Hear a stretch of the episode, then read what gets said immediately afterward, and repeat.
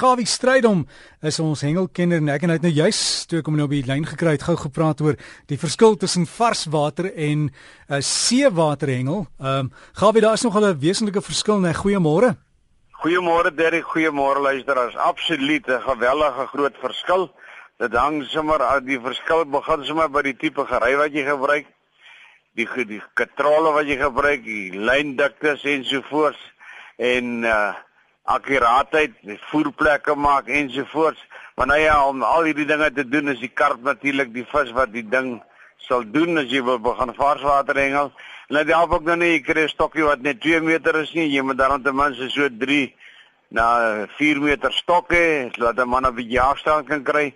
Ek dink dit is baie belangrik om akkuraat te gooi, sodat jy die rede vir dit is dat jy die voer altyd by een area kan kry sodat jy tipe van 'n voerplek kan maak en die vis lok. Op die oomblik is daar ook baie klein vis in die water en 'n luisteraar het my gevra, "Wat is die probleem? Hulle het in die verlede so baie groot visse gevang. Nou vang hulle net kleintjies, is omdat daar baie klein visse is." En ons praat nou van hierdie wat jou hand groot is en net 'n bietjie groter, die wat hulle sê die pan grootte. En dit is dat die kleintjies is eerste op die aas en dit is hoekom hulle natuurlik so lastig is en jy nie al die grootes kry nie. Nou daar's baie maniere, dis as jy nou gevorderd is, dan kom die manne later van tyd hulle doen net spesie hengel dan staak dit of hulle lê net klem op een tipe soort vis en hulle vang hom sonder om die aas in die hoek te sit. Hy kom in 'n lyntjie langs die hoek en dis waar hulle 72 ure aan mekaar hengel en die SA manne het natuurlik nou net so pas weer 'n nuwe span bekend gemaak wat een van die dae weer gaan verteenwoordig in die wêreldkampioenskappe. En ek wil vir Blikkie sê goeiemôre en welkom by ons program en ek hoop jy kom ook nou reg met die visvang Blikkies en kry net vir jou sommer 'n lisensie en sommer jou TV een hou op datum. Dan natuurlik in die Suid-Kaap het die manne laas naweek wen. Hulle eerste liga vir die jaar gehad. Daar was baie sanddae oor die 500 gewees. En hier en daar 'n kabeljou en die see kom nou bietjie reg soos ek vir Derek gesê het. Dit lyk my daarom hierdie sonbrandolie goed is nou half besig om met die water uit te werk en die lawaai en die getrap en die gehardloop op die sand laat die visse 'n bietjie nader kom. En daar's natuurlik baie jong bronsies ook in die oomblik in die omgewing daar in George en die omgewing ensovoorts. Nou in die Ooskaap natuurlik, dit is daar by Jeffreys Bay gaan ons maandag gaan ek 'n bietjie af vir 'n week en ons gaan 'n bietjie hengel daar by Jeffreys Bay.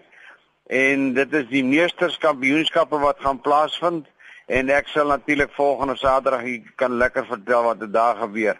Op die oomblik het die platvis inbeweeg, dis nou die Diamonds en verlede naweek het die manne van die Oostelike provinsie 'n kompetisie gehad.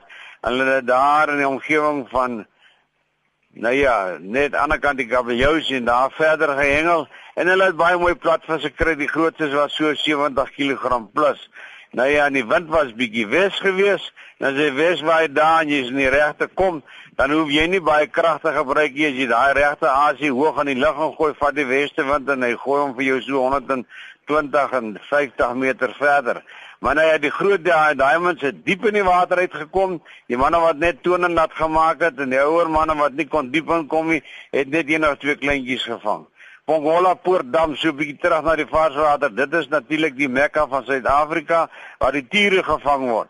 En uh, die dame laat my weet daarvan Shaya Manzi as jy meer inligting wil hê gaan 'n bietjie na www.shayamanzi.co.za dan kry jy al die inligting. Daar is in Januarie baie baie tiere gevang en ek dink as jy 'n bietjie jou familie wil wegvat en 'n bietjie daai tanneman in die hande kry gaan kyk 'n bietjie kry inligting en doen jou ding daar en in die Willekus interessant was die nie net in die Willekus nie, maar die hele Suid-Afrikaanse kus, Weskus om Kaapstad ensovoorts, was daar baie geelsterf geweest. Waar hulle skielik vandaan kom, weet ek nie, maar daar's letterlik duisende van hulle in die water.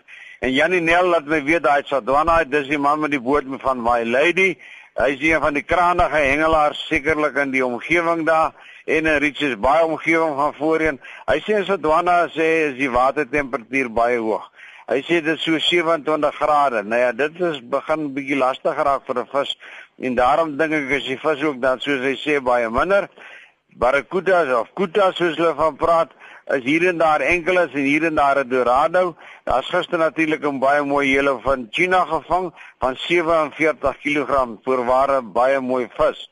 En dan varswater verder, Hartbeespoortdam, Loskopdam, Valdam en al die damme rapporteer die mense van baie goeie vangste. Ek dink is die watertemperatuur ook wat 'n bietjie op is en ek hoop en vertrou ons het 'n baie beter jaar hierdie keer. Nou in Jeffreys Bay en die omgewing is daar natuurlik hier en daar ook baie mooi kabeljou uitgekom. 'n Kerel stuur vir my, dit is nou Nookie Rautenbach stuur my 'n foto van 'n 30 kg kabeljou. Hulle kon hom ongelukkig nie gered het nie. Dit is gevang in die Koega rivier en natuurlik dan die karp by die Vaalrivier terug na dit toe. Stuur 'n man vir my 'n foto. Hy sê vir my hy twee visse gevang. Die een het nie oë nie, een het nie lippe nie. 'n Baie rare verskynsel. Ek weet nie as die visse beseer is toe hulle jonger was nie. Ek gaan 'n bietjie navraag doen by slimmer mense en dan is daar natuurlik gerapporteer van dooie visse by Bronkies Bronkos Spruitdam van ek sal 'n bietjie hoor wat gaan daar is daar. Iets anders is of was dit 'n een eenmalige verskynsel was maar ek sal terugrapporteer aan jou in die verband Ek hoop julle hengel lekker vir die dag en hou ons dan maar skoon. Lekker hengel, liefde groete, lekker ontbyt Derrick groete Gawie. Groete Gawie en as ons weer met Gawie gesels dan gaan hy self daar by die groot waters wees. Ons sal dan hoor wat gaan daaraan. As jy wil kontak maak met Gawie Strydom, jy kan vir hom e-pos stuur. Sy e-pos is maklik om te onthou. Dis gawievis. Skryf dit as een woord gawievis by gmail.com.